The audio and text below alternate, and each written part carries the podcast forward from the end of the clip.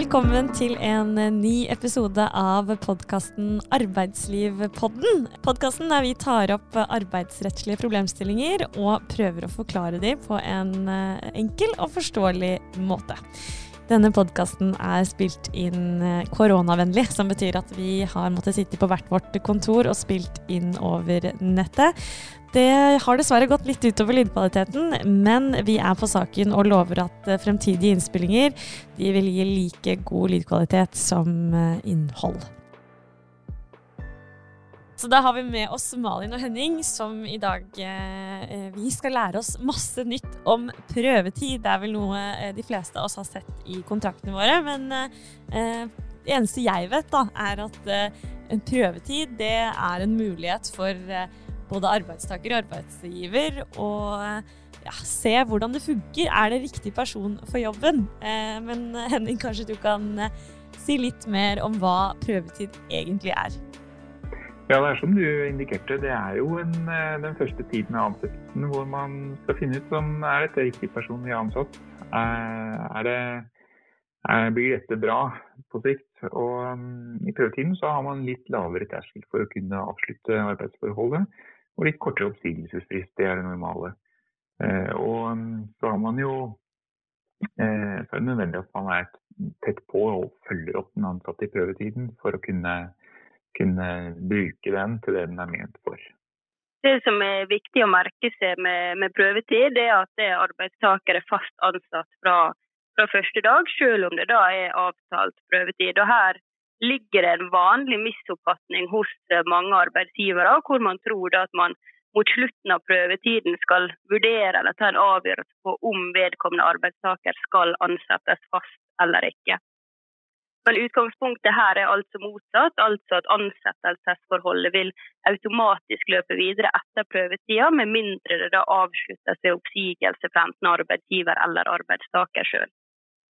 Det kan også være en fordel for arbeidstaker at eh, det er kortere oppsigelsesfrist i prøvetiden. Hvis man får en annen jobb man kanskje heller vil hoppe over på, så, så har man mulighet til å komme seg raskt ut. og Det er veldig vanlig at man har 14 dagers oppsigelsesfrist i, i prøvetiden. Så det, det, kan være et pluss. Enkelte arbeidstakere syns det er et pluss. Mens eh, eh, det reflekterer jo også litt prøvekarakteren på den innledende fasen i ansettelsen. Mm. Men er det sånn at eh, eh, altså inntrer prøvetiden automatisk i alle typer ansettelser? Nei, prøvetid eh, må avtales skriftlig. Det er vanlig å ha med som en klausul i arbeidsavtalen. Og så er det sånn at Prøvetid er en begrensa periode hvor arbeidsgiver kan prøve arbeidstaker, sånn at prøvetida maksimalt kan settes til seks måneder. Ja, og da er det jo viktig at man ikke venter til arbeidskontrakten skal lages før man tar opp spørsmål om prøvetid. Det, det bør fremgå eh, når man gir et tilbud om stillingen. Så har man ikke satt det som et vilkår ved tilbud, så kan man komme i en situasjon hvor man har ansatt noen uten at det er prøvetidsvilkår kan tas, tas inn. Så det, det, er viktig at man er klar over at man har det premisset klart for seg helt fra starten. Er det en problemstilling dere ser, at, eh, at arbeidsgiver rett og slett glemmer å, å ha det i, eh, i, kontrakten? Jeg har opplevd i, eh, i noen saker at arbeidsgiver har gitt tilbud om stilling. Og så når kontrakten skal skrives første dag på jobb, så har arbeidsgiver tenkt at oi, vi må jo ha prøvetid. Og så sier den ansatte men jeg har jo ikke jeg har ikke avtalt prøvetid. Jeg har akseptert en stilling hvor prøvetid ikke var en del av det. Eh, og jeg har jo sagt opp en annen jobb, så jeg kan ikke gå inn på prøvetidsvilkår. Det aksepterer jeg ikke. Så får en diskusjon om dette. Men det skjer nok også at arbeidsgiver ikke har det i arbeidskontrakten sin heller. Og, da, og noen gjør det bevisst at de ikke ser behov for prøvetid. De kjenner kanskje kandidaten fra før, eller sier at uh, dette er vi så trygge på at det har vi ikke behov for. Den usikkerheten skal vi unngå uh, å gi arbeidstaker. Så um, det er mer eller mindre bevisst, det varierer veldig. Men hva betyr egentlig prøvetiden i praksis? Hva er de rettslige konsekvensene av prøvetid? Ja, det er flere ting. Det er eh, For å ta det litt sånn oversiktsmessig, det er oppsigelsestidens lengde. Og det er at man ikke har rett og står stilling etter en oppsigelse som hovedregel. Og, og det viktigste er kanskje at man har en litt lavere terskel for å bli oppsagt, eller for å si opp arbeidstaker hvis vedkommende ikke fyller eh, forventningene i prøvetiden. Og da er det tre, tre knagger i loven. Det ene er tilpasning til arbeidet. Hvis man ikke tilpasser seg arbeidet godt nok. Det kan også gjelde rutiner og omgang med andre og arbeidsmiljømessige forhold. Ehm, det andre er faglig dyktighet. Det viser seg at man ikke har den kompetansen som man skal eh, bruke i virksomheten, i stillingen. Så, så kan det være en bakgrunn. Og så er det manglende pålitelighet. Det hender jo at man oppdager forhold som gjør at man mister tilliten til den ansatte. Og I disse tre tilfellene så er det lettere å gå til oppsigelse. Da skal det ikke så eh, sterke grunner til da, som det skal ved ordinær oppsigelse. Så får jo vi mange spørsmål fra, fra, våre kunder på hvor mye det som egentlig skal til. Altså det er greit at eh, arbeidstaker har et litt eh, svakere oppsigelsesvern, men hvor dårlig må arbeidsprestasjonene være for at man skal kunne gå til oppsigelse av en prøvetidsansatt. Og da er det sånn at man kan ikke som arbeidsgiver stille noe idealkrav til arbeidstakers utførelse av arbeid i prøvetida, men man må likevel kunne forvente at arbeidsytelsen ligger på et akseptabelt nivå i forhold til stillinga.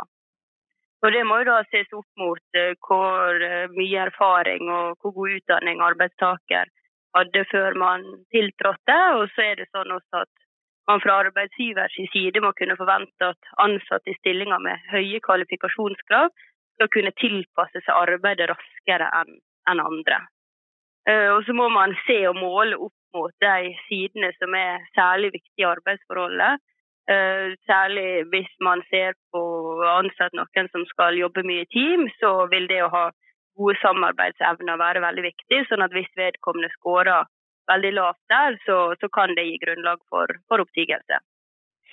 Det skal være en, en lavere terskel, men ikke helt ubetydelig lavere, sier domstolene. Men ofte syns jeg det er vanskelig å egentlig se den store forskjellen på vurderingene. Jeg har hatt prøvetidssaker hvor domstolen har sagt at det er ikke godt nok, selv om vi har vært ganske trygge på at det har vært prøvetidsoppsigelsesgrunnlag når vi gikk til domstolen. Så jeg syns i hvert fall retten i enkelte saker stiller veldig høye krav egentlig til hvor stort eh, avviket må være fra en normal forventning.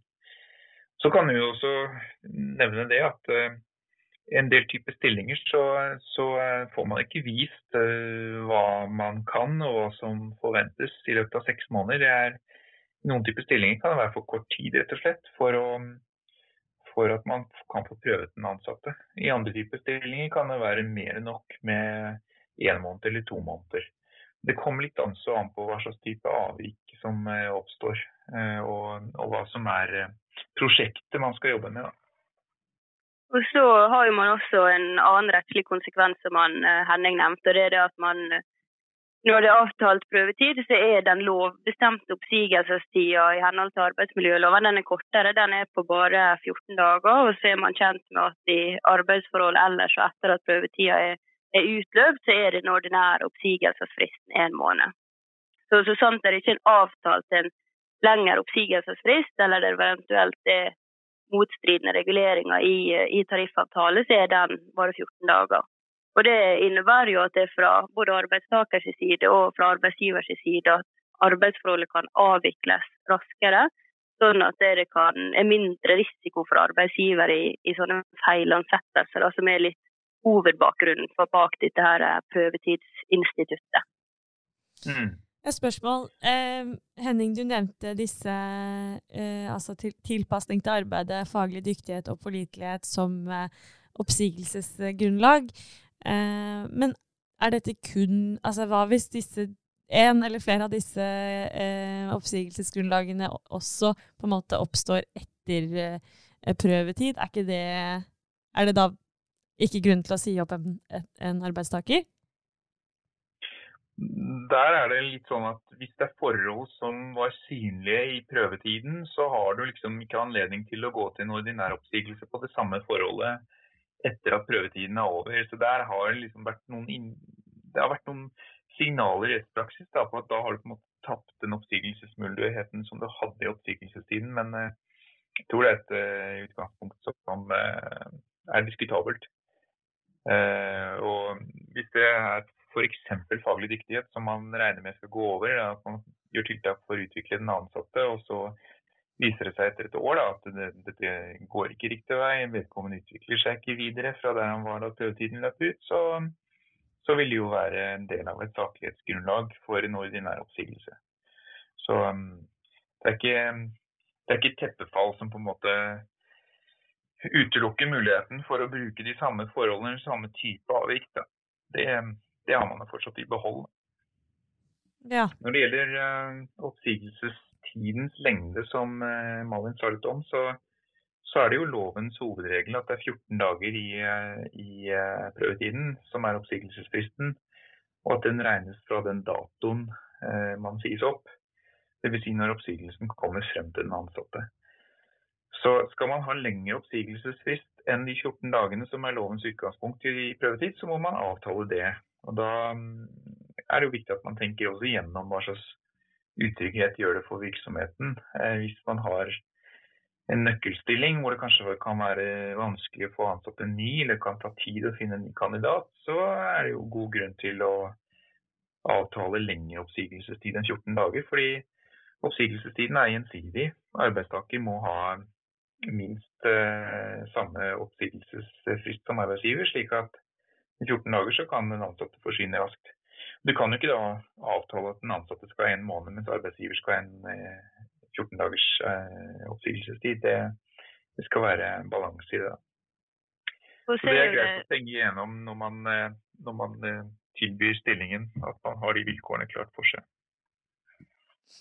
Og så er det sånn at nettopp det at oppsigelsestider løper fra dato til dato, altså fra den datoen oppsigelsen er meddelt fra, fra arbeidsgivers side, gjør jo at oppsigelsestida i prøvetid det blir desto kortere enn etter prøvetida er utløpt, hvor da oppsigelsestida først regnes fra den første dagen i påfølgende måned etter at oppsigelsen er meddelt. Men hva er arbeidsgivers ansvar i prøvetidsperioden? da? Kan de bare altså, si opp noen, eller har de eh, også et ansvar for å prøve å få arbeidstaker til å, til å fungere i jobben?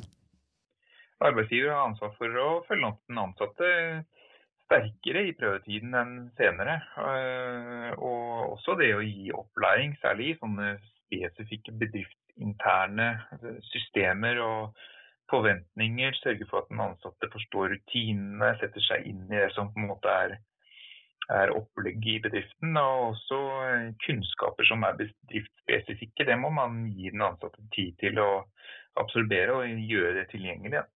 Så De fleste virksomheter av noen størrelse de har eh, jo såkalte onboarding-prosesser og en struktur for hvordan den ansatte skal komme igjennom alle de internopplæringstemaene da, for å sørge for at det er en viss standardisering av det, og at man også kan med det dokumentere hva man har fått av opplæring at man har en form for sjekkliste på det, og at det signeres ut når man er ferdig med det innledende programmet for å, for å begynne i bedriften. Men eh, man må jo også følge opp eh, avvik. Skulle det oppstå slik at den ansatte ikke leverer hva man må kunne forvente på et faglig nivå ut fra utdanning eller tidligere erfaring, og det viser seg at eh, vedkommende har, har kanskje ikke de erfaringene som man har solgt seg inn med, har beskrevet tidligere erfaringer for for eh, optimistisk. Eh, og det viser seg så må man følge opp det å ta opp det med den ansatte. Og, og også spørre om det er behov for å supplere på eh, fagutviklingssiden. Så her er det jo slik at arbeidsgivere må stikke seg et stykke også i prøvetiden for å, for å gi fagkunnskap innen rimelighetens grenser. Men den, den plikten går nok mye kortere i prøvetiden enn det gjør etter prøvetiden, hvor oppfølgingsansvar og på en måte utviklingsansvar for arbeidsgiver er større. Her er utgangspunktet at det man har med seg når man kommer inn og som man rekrutteres på, det må man som hovedregel forvente som arbeidsgiver at det, det har man faktisk, og det har man evne til å levere på. Ja, for Når man snakker om hvor langt denne oppfølgings- eller opp, eh, fra arbeidsgivers side går, så er jo det sånn som han Henning var inne på, at man kan ikke skjære alle ansatte over en og samme kam. Man er nødt til å se litt på hva erfaring arbeidstaker hadde med seg inn i arbeidsforholdet. Og det er jo sånn at En arbeidstaker som er erfaren og godt utdannet, må forventes å ha kortere tid for oppfølging og opplæring enn en som er helt fersk i, i arbeidslivet. Og så er det også sånn at hvor langt denne veiledningsplikten til arbeidsgiver strekker seg, også varierer ut fra hva slags stilling det er snakk om. Da sånn at arbeidsgiver selvfølgelig har en litt mer utstrakt veilednings- og opplæringsplikt for særlig krevende stillinger som krever mer oppfølging. Er det på en måte bestemmes det ut ifra skjønn, eller hvordan vet man eh, hvor lang den oppfølgingsplikten skal være? Det varierer jo fra, fra tilfelle til tilfelle, og dette her blir jo vurderinger som blir gjort i, av domstolene i en eventuell etterfølgende tvist. Så det er veldig viktig at arbeidsgiver er bevisst på denne veilednings- og oppfølgingsplikta fra dag én. Det er mange som kommer til oss og man kanskje nærmer seg ute på prøvetidsperioden man ser at man kanskje ønsker å gå til en oppsigelse etter hvert, og det er først da man setter i gang med denne her veiledningsplikten og dokumenterer den. Så Det er veldig viktig å være obs på at den, den, gjelder i hele prøvetidsperioden og ikke helt på tampen. sånn at det er viktig at arbeidsgiver setter inn tiltak der tidlig også for at man fra arbeidsgivers side skal få utnytta prøvetida fullt ut. Hva er de største utfordringene arbeidsgiver opplever med akkurat dette med eh, oppfølgingsplikten? Nei, Av og til så er det jo litt sånn lang vei fra den som på en måte styrer HR og, og gir lederstøtte, ned til den enkelte som har fått en medarbeider, og som kanskje ikke har så mye ledererfaring fra før. Slik at uh, man er ikke så flink til å følge de rutinene som HR eh, har satt opp. Det ser jeg ofte. At uh, en fersk mellomleder mister litt på at de ikke visste om det, ikke har satt seg inn i de rutinene. og at HR kan ha litt problemer med å få implementert det, rett og slett, eh, slik at det etterleves. Så det er viktig at man har, at man har en opplæring av lederne internt i betydningen av dette, og at de, at de har et rutinemessig opplegg for oppfølging av nyansatte som mellomlederne skal følge, og at man eh, dokumenterer disse stegene underveis. Evalueringsmøter f.eks. en gang hver 14. dag. Eller, det trenger ikke å være lange møter, det trenger ikke å være omfattende samtaler det er å spørre hvordan det går og gi en tilbakemelding på, på hvordan man syns det fungerer fra arbeidsgiversiden, og veldig tydelig på forventninger som den ansatte så langt ikke har, har oppnådd. Så jeg tenker at det, er, det går jo på å utvikle gode vaner fra starten. Og hvis du skulle fått inn en arbeidstaker som ikke har gode vaner, så må du som leder bidra til at gode vaner blir etablert raskt. Og ofte vil et nytt arbeidsforhold være en ny start for en ansatt som kanskje ikke har hatt gode vaner tidligere. og Dermed en bevisstgjøring og en mulighet for å komme på sporet. Mm. Og så er det viktig å, å, sikre god dokumentasjon på at denne oppfølginga er gitt. og nå i disse hjemmekontortider så trenger ikke det å være vanskeligere enn hvis man har hatt et oppfølgingsmøte enten på Teams eller telefon med vedkommende, så kan man sende en kort e-post i etterkant hvor man eh, oppsummerer de punktene som man eh, gikk gjennom, bare sånn at man har da dokumentasjon på at denne oppfølgingssamtalen faktisk er avholdt. Mm. Der tror jeg det er viktig at uh, man er tydelig på hva forventningen er, og hva man tilbyr uh, av tiltak fra arbeidsgivers side. Jeg ser en del sånne referater hvor det bare står Det ser ut som en agenda. Egentlig, vi snakket om tilpasning til arbeidet. Vi snakket om uh, hvordan det går. Eh, arbeidsgiver ga tilbakemeldinger. Og så er det på en måte ikke noe innhold som gir arbeidstakeren noe veiledning. Og da kan man godt i ettertid forklare at jo da, ble, vi var veldig tydelige på hva vi ikke var fornøyd med. Men når ikke referatet viser det, så kan du få et dokumentasjonsproblem hvis det skulle bli en, eh, en tvist om det. der. Kan det avtales ny prøvetid ved overgang til en annen stilling i samme firma? Som hovedregel så er det ikke ny prøvetid ved overgang til ny stilling hos samme arbeidsgiver.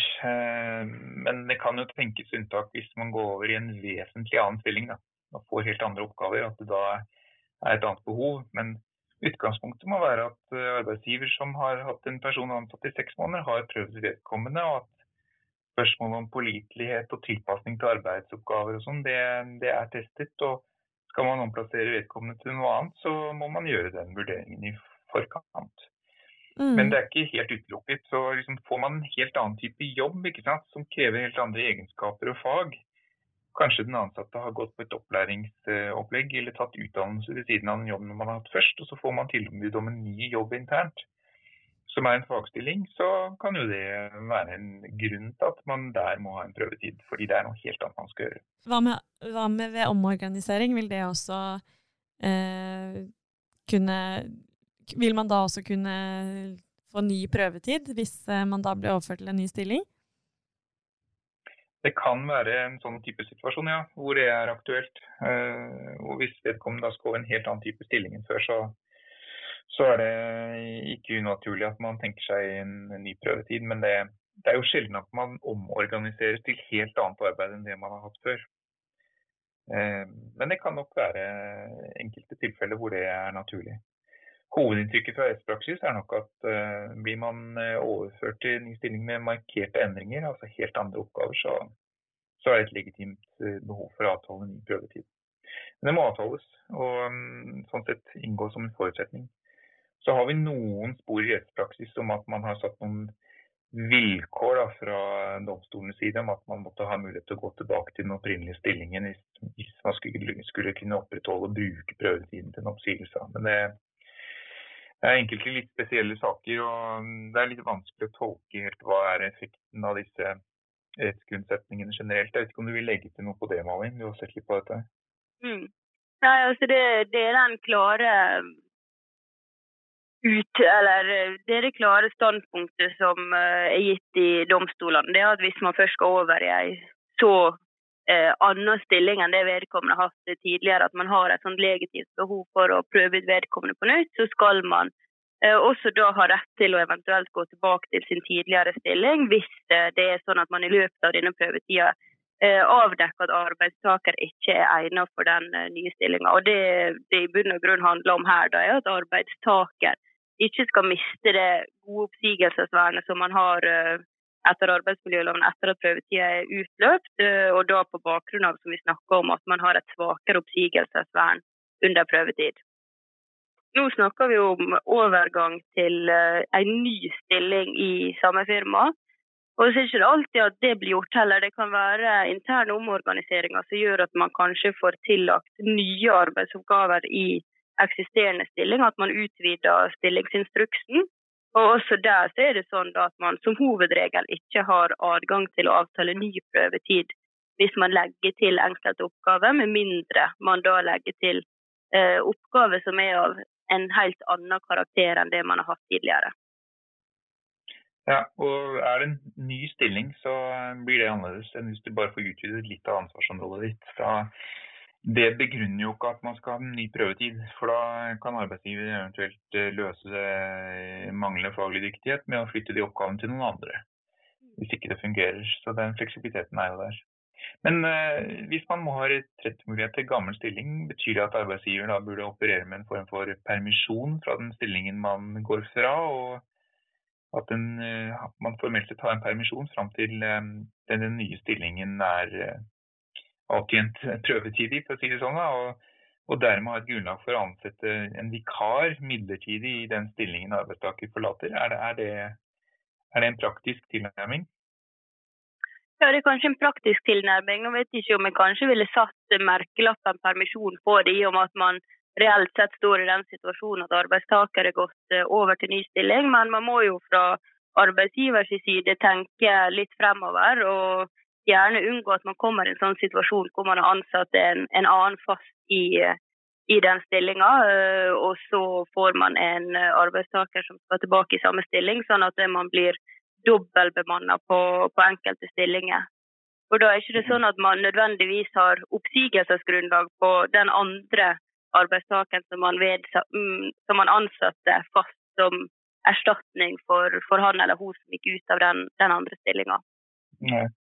Men man kan godt komme i en litt sånn kinkig situasjon med doble posisjoner. og Det er derfor jeg syns denne, denne, dette premisset fra Høyesterett om at man skulle kunne gå tilbake til den forrige stillingen, er litt problematisk. Og mm, jeg vet ikke om det er eh, en doktrine som fullt ut skal eh, anses for å gjelde eh, i alle den type situasjoner. Men eh, i den saken så hadde vel den ansatte en anledning til å gå tilbake til tidligere stilling, og det var en del av premisset for at man godkjente prøvetid i ny stilling, så vidt jeg kan huske. Kan du huske noe om det? Det stemmer. Ja. Og Da er det ikke sikkert at den motsatte situasjonen ville falt annerledes ut. Så um, Det er jo... Det gir for så vidt noen indikasjoner på det, hvor de sier det at det, altså Først når det er Høyesterett foretar sin vurdering i den saken, så ser jo de selvfølgelig på at i dette tilfellet her var avtalt mellom arbeidsgiver og arbeidstaker, at vedkommende skulle ha anledning til å gå tilbake om det skulle vise seg at man eh, ikke passer inn i den nye stillinga. Og så sier avslutningsvis eh, Høyesterett avslutningsvis likevel noe om at det hadde det her ikke vært avtalt på den måten, så hadde det vært høyst usikkert om, om de hadde latt denne avtalen om ny prøvetid passere. Mm. Sånn at det gir en ganske sterk indikasjon på at eh, arbeidstaker skal vernes. Så Det er jo det som ligger i det. Så man er inne i en bølge hvor arbeidstakervernet blir stadig sterkere. Vi ser også i rettspraksis at domstolene er opptatt av å holde på dette arbeidstakervernet, og ikke sette arbeidstakere i en, en særlig utsatt posisjon. Innledningsvis sa dere dette med at prøvetiden ikke kan være lenger enn eh, seks måneder. Det er maks, men er det Fins det noen måte å utvide prøvetiden på? Ja, det er muligheter for å Det er jo strengt tatt ikke en utvidelse. fordi det som ligger i bunnen her, er at man skal kunne prøve den ansatte i seks måneder. Og hvis vedkommende er fraværende fra arbeidet, så kan man da legge den tiden til på nytt eh, etter de første seks månedene. Så eh, med tre ukers fravær i løpet av en seksmånedersperiode, så kan arbeidsgiver erklære en, en, forlengelse med de tre ukene. slik at eh, du kan si at det sikrer at man skal reelt kunne prøve den ansatte i, i en full reell prøvetid. Da. Men dette forutsetter at man skriftlig har avtalt anledningen til å, å utvide prøvetiden. Og det knytter seg kun til fravær som ikke skyldes arbeidsgiver. Så um, hvis arbeidsgiver pålegger den ansatte ikke å være på jobb, så uh, er det nok vanskeligere å, å, se for seg en utvidelse av prøvetiden. Da takker på en måte arbeidsgiver nei til å, til å bruke prøvetiden uh, Eh, de første seks månedene slik, slik man kan. Men eh, utvidelse skal jo skje ved skriftlig melding, og det er viktig at arbeidsgiver sender den skriftlige beskjeden til den ansatte før prøvetiden løper ut. Eller så mister man muligheten. Det er altså en utvidelse, det er ikke en ny prøvetid. Så har man først passert de første seks månedene eller noe som er avtalt som prøvetid, så er man for sent ute med å, å, å utvide.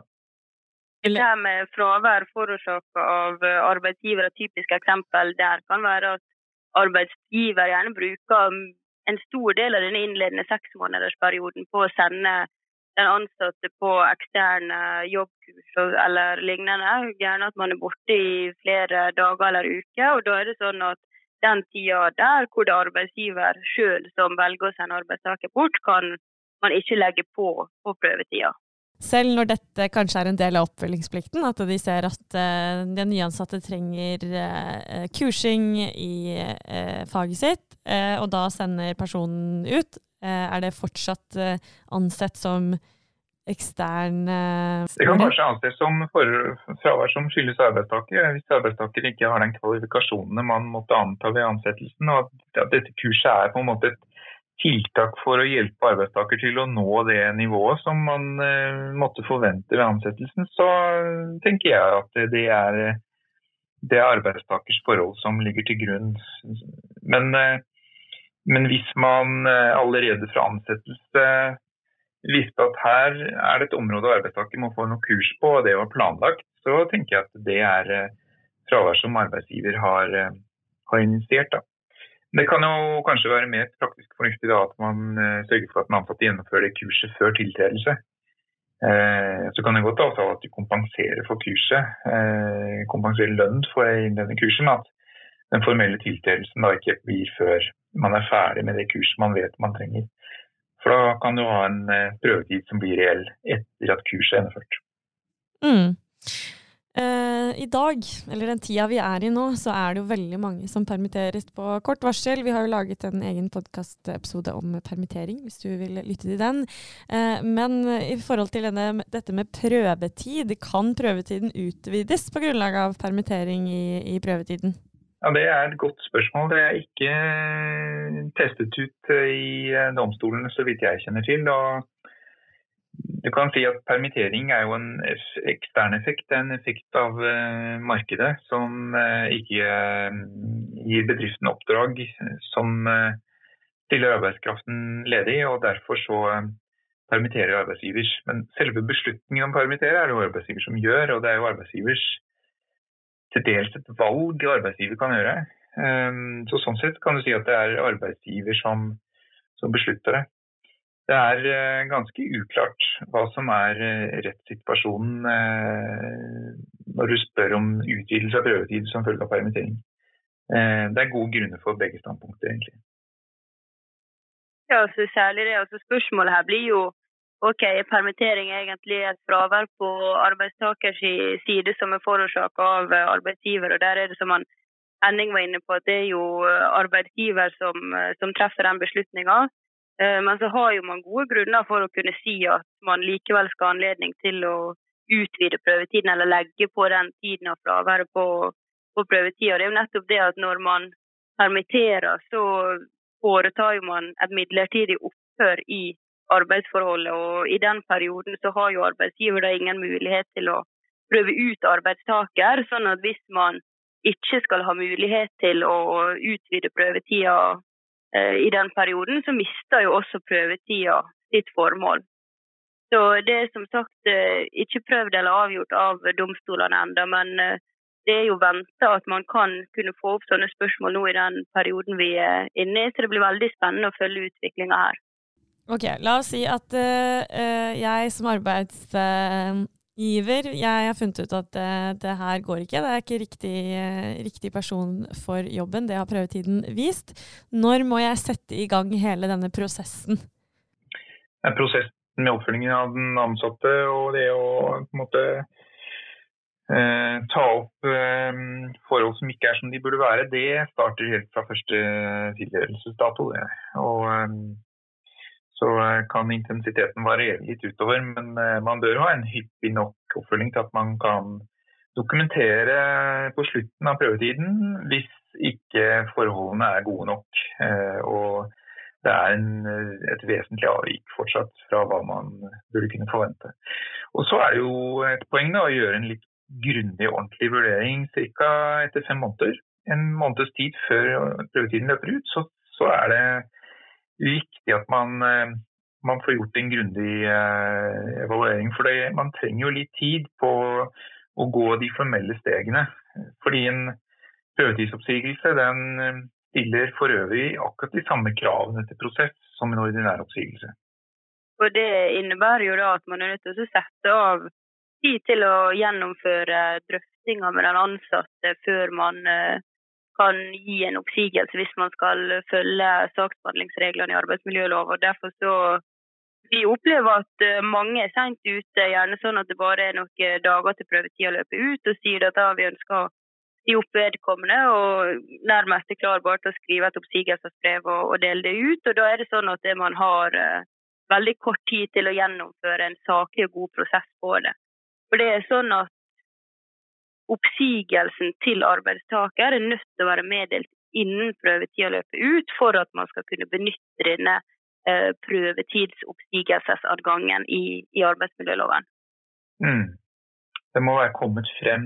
og her er det også slik at uh, en del fester seg veldig ved lovens formkrav. Den sier den skal være tildelt personlig eller sendt rekommandert. Og så skal den ansatte ha nok tid til å kunne hente den rekommanderte sendingen til at man er på en måte man har rimelig tid til det.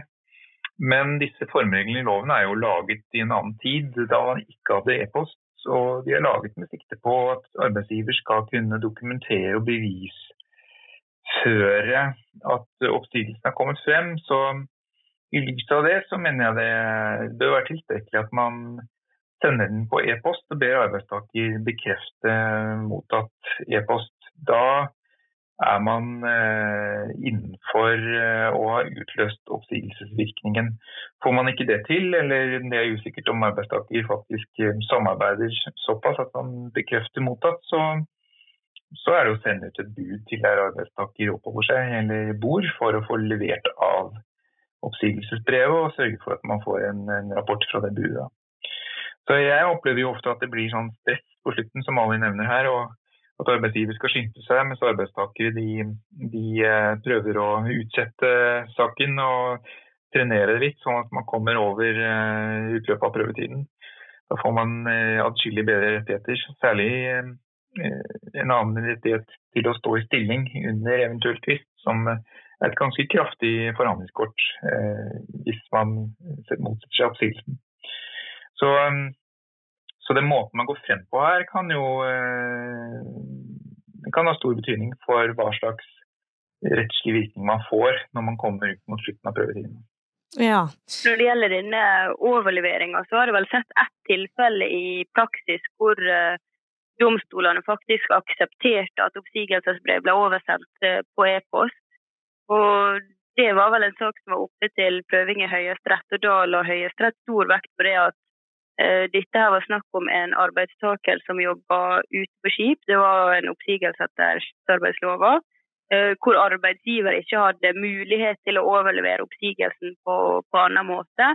Og også det at det var helt vanlig praksis i eh, det rederiet at man kommuniserte med de som var ute på båt via e-post. Og det hadde også et sånt system med lesebekreftelse, hvor arbeidsgiver hadde bekreftelse på at arbeidstaker hadde mottatt denne oppsigelsen på på e-post. Men så tenker jeg det at hvis man som arbeidsgiver har mulighet til å få sendt oppsigelsen rekommandert eller overlevert den personlig, så, så er det å foretrekke det lite eh, man, eh, Vi vil ikke anbefale situasjoner hvor arbeidsgiver setter seg i en unødvendig risikofylt situasjon ved å, ved å sende den over på e-post hvis man har, har, andre alternativer som vil oppfylle de formkravene som er stilt i arbeidsmiljøloven. Absolutt. Jeg har en sånn sak jeg forhandler nå, hvor arbeidstaker ble sagt opp, fikk oppsigelsesbrevet på e-post uh, søndag 28.2. Uh, eh, siste dag før uh, utløpet av prøvetiden. og Der er det innvendinger mot oppsigelsen. Mener at den skal ikke ha virkning før den er kommet frem, rekommandert eller personlig overlevert. Og Det anfører arbeidstaker selv om eh, vedkommende mottok den på e-post, og også bekreftet at den var mottatt, men at vedkommende ville tenke seg om før hun bestemte seg for om, om, eh, om det skulle bes om forhandlinger. Og I det tilfellet så tenker jeg at det er, det er bekreftet tilbake mottatt uh, e-post, og den er formriktig i det vedlegget til e-posten. og Vedkommende hadde full anledning til å lese det den datoen. Og vi har for øvrig kommunisert på e-post om alle forhold i saken tidligere. Så um, da tenker jeg at det er den rettslige konsekvensen. Mm. Så vil uh, formreglene være der for å eventuelt fange opp bevisbyrdesituasjoner som ikke kan dekkes på andre måter. Mm. Men altså i dette tilfellet så, så var det da sendt en e-post eh, siste dagen i oppsigelsestiden. Eh, som dere nå har eh, egentlig sagt at det bør man ikke gjøre. Man bør eh, ta seg bedre tid. Eller man burde sette seg ned etter femte, femte måned, og, eh, hvis det er seks måneders oppsigelsestid, og eh, vurdere å bruke tiden for at alt skal gå smertefritt. Ja, du bør jo ha en liten evaluering da, og så bestemme deg for om du skal innkalle til drøftelsesmøte for å vurdere oppsigelse. og Så går det gjerne en uke fra du kaller inn til møtet blir gjennomført. Den ansatte trenger tid til å sette seg inn i uh, grunnlaget, finne seg en rådgiver, kanskje en advokat som ikke har anledning akkurat nå. Det tar fort litt tid. Um, denne advokaten skal klarere at han kan ta på seg oppdraget, skal sette seg inn i saken. Og så gjennomføres møtet, så skal du skrive et referat, og så skal den ansatte få tid til å gå gjennom referatet, komme med kommentarer til det. Deretter er det kanskje behov for å undersøke noen påstander, noen fakta og bevissituasjonen rundt enkelte spørsmål man er uenig om. Og så skal man eh, vurdere om det er behov for mer informasjon fra arbeidstaker, kanskje man skal gå en ekstra runde. Ehm, for det er uavklarte spørsmål. Og så eh, trekker man konklusjonen, og deretter skal man sende dette oppsigelsesbrevet. Så det er klart, det, der tar tid, altså. Og hvis eh, arbeidstaker ønsker å, å, at det skal ta mer tid enn det arbeidsgiver ønsker, så kan det fort også gjøre at prosessen må styres med litt hard hånd. Mm. Ja, så En klar beskjed her, det er å ikke være for seint ute. Det vil skape litt eh, hodebry, eller kan i hvert fall skape litt hodebry. Um, Absolutt.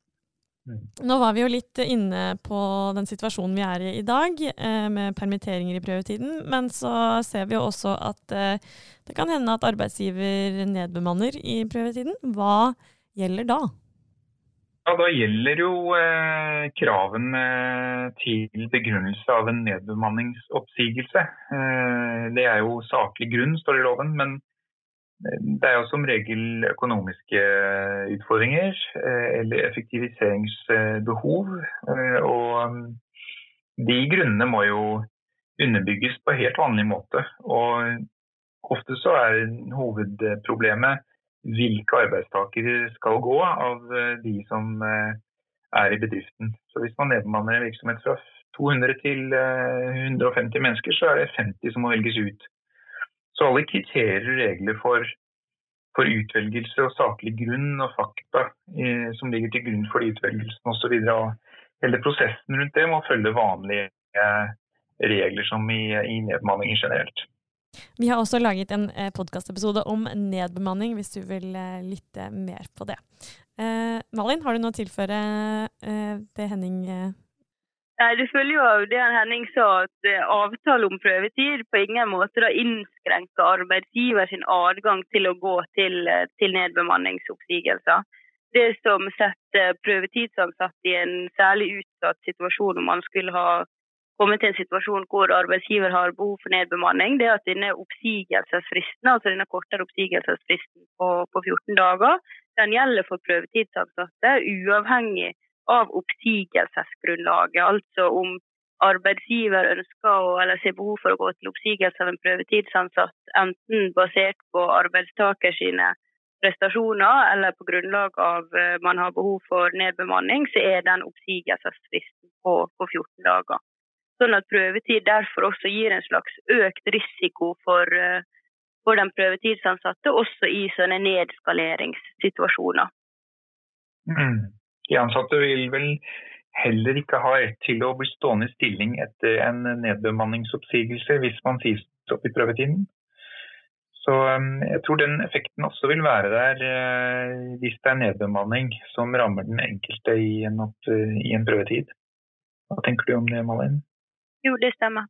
Prøvetid er ikke lett. Prøvetid er krevende, og eh, prøvetid må man ha et bevisst forhold til. og, og eh, etablere før rekrutteringen eh, ender med et tilbud, og følge det opp hele veien ut til man er ferdig med prøvetiden, hvis det skal få reell effekt. Da. Det tror jeg det er en generelle hovedbudskapet. Mm. Egentlig så burde alle arbeidsgivere, før de i det hele tatt setter i gang noen rekrutteringsprosesser, vite hvordan de skal følge opp uh, nyansatte i prøvetid. I hvert fall noe jeg har tatt med meg fra denne samtalen, er uh, dette med oppfølging og uh, ta, ha samtaler ofte, sånn at du unngår eventuelt tvist eh, eller eh, mye hodebry eh, hvis den ansatte ikke skulle passe inn i stillingen allikevel. Eller hva tenker dere? det, det, er helt riktig. Det er mye av det vi, vi møter på med, med, våre kunder, det er at de ikke har vært bevisst denne veiledningsplikten fra deres side. Og så er det ofte sånn at det er hektiske tider. Man har mye altså Som leder så skal man ha oversikt over mye, og det er lett å glemme vekk. Uh, og det å sette seg ned og ta disse samtalene, så det er veldig viktig. Altså Man kan ta det når man får inn en nyansatt, og så sette seg av noen dager i kalenderen allerede fra start, hvor man har planlagt oppfølgingsmøte, og at man gjennomfører dem, og også skrive seg ned et lite referat eller protokoll fra, fra de samtalene som er avholdt, som man har i ettertid hvis det skulle bli noe, noen senere tvister. Det kan eh, unngå mye unødvendig hodebry. Jeg er absolutt enig. Eh, og jeg tror at en del tenker at dette er mer krevende og større enn det trenger å være. Eh, jeg har hatt prøvetidsoppsigelse og vunnet frem i både tingretten og lagmannsretten med prøvetidsoppsigelse basert på håndskrevne notater. Etter tre måneder var det en ensides håndskrevet referat hvor man var enige om at arbeidstaker flyttes fra offshore til land pga. sikkerhetsmessige implikasjoner ved måten man utførte arbeidet på. Og etter fem måneder på land så gjorde man en ny evaluering, skrev det for hånden på et A4-ark. og som følge av den evalueringen så ble man innkalt til drøftelsesmøte og sagt opp helt på slutten av prøvetiden. Det holdt. Det var nok for at arbeidsgiver fikk medhold i prøvetidsoppsigelse. Og der var det særlig sikkerhetsmessige effekter av at den ansatte ikke tilpasset seg arbeidet, ikke fulgte rutiner og ikke hadde tilstrekkelig fagkompetanse på arbeidet som gjorde at det oppsto farlige situasjoner. Og, um, Da var det nok at man hadde to uh, A4-arksider som var håndskrevet uh, på et uh, anleggskontor. Så, så, det skal ikke voldsomt mye til, men man må sørge for at man dokumenterer de riktige tingene. At man, at man får med det som er vesentlig for prøvetidsvurderingen. Det er mm. sentralt. Mm. Og så er det sånn også at Hvis man fra arbeidsgivers side ser tidlig at vedkommende ikke fungerer i i stillinga, så er ikke man nødvendigvis pliktig til å prøve vedkommende fullt ut i, i de seks månedene. Jeg har hatt en sak for uh, retten hvor arbeidstaker, ja også på grunnlag av noe sykdom fra arbeidstakers side, kun hadde vært på arbeid i i elleve dager, men gjentagende i eller alle de elleve dagene var at arbeidstaker kom uh, mye for seint. Han gjorde ikke jobben sin, mye mobiltid i arbeidstida. arbeidstider. Da så arbeidsgiver veldig tydelig at dette her var en arbeidstaker som ikke var pålitelig eller som passa inn i eh, virksomheten der. Og da fikk vi medhold fra retten i at arbeidstaker ikke skulle få lengre tid til å prøve seg, når han allerede så tidlig hadde vist at det han ikke var egnet eller skikka til stillinga. Dette er jo kanskje særlig praktisk hvis det viser seg kort tid etter ansettelse at den ansatte har bløffet under rekrutteringsprosessen. Det hender jo at det viser seg at eh, informasjonen i CV-en ikke stemmer. og Eh, pålitelighet kan også eh, være et grunnlag i en bristende forutsetning for ansettelsen allerede før man tiltrer. Så det er absolutt slik at viser det seg første arbeidsdag at man har løyet, så er nok ganske kort vei til en prøvetidsoppsigelse. Tusen takk, Malin og Henning. Nå har vi hatt en lang og god samtale om, om prøve, prøvetid. Og jeg må bare innrømme at det var ganske mye mer eh, i, altså, som omhandler det, enn det jeg eh, visste. Det er mye man må ta hensyn til, men eh, kanskje det viktigste vi har fått med oss fra dagens eh, episode, er eh, dokumenter og start prosesser tidlig. Eh, håper dere har hatt, hatt, det hyggelig, Malin og Henning, i denne podkasten. Alt alt blir, jo litt, annerledes nå i koronatider, men vi får, vi får, gjennomført opptak, og det er jeg veldig fornøyd med. Jeg håper det er til nytte for lytterne. Og hvis lytterne har noen spørsmål eller ønsker for Arbeidslivspodden, så er det bare å sende de til gsi at sans.no. Tusen takk, Henning og Malin, for at dere var med.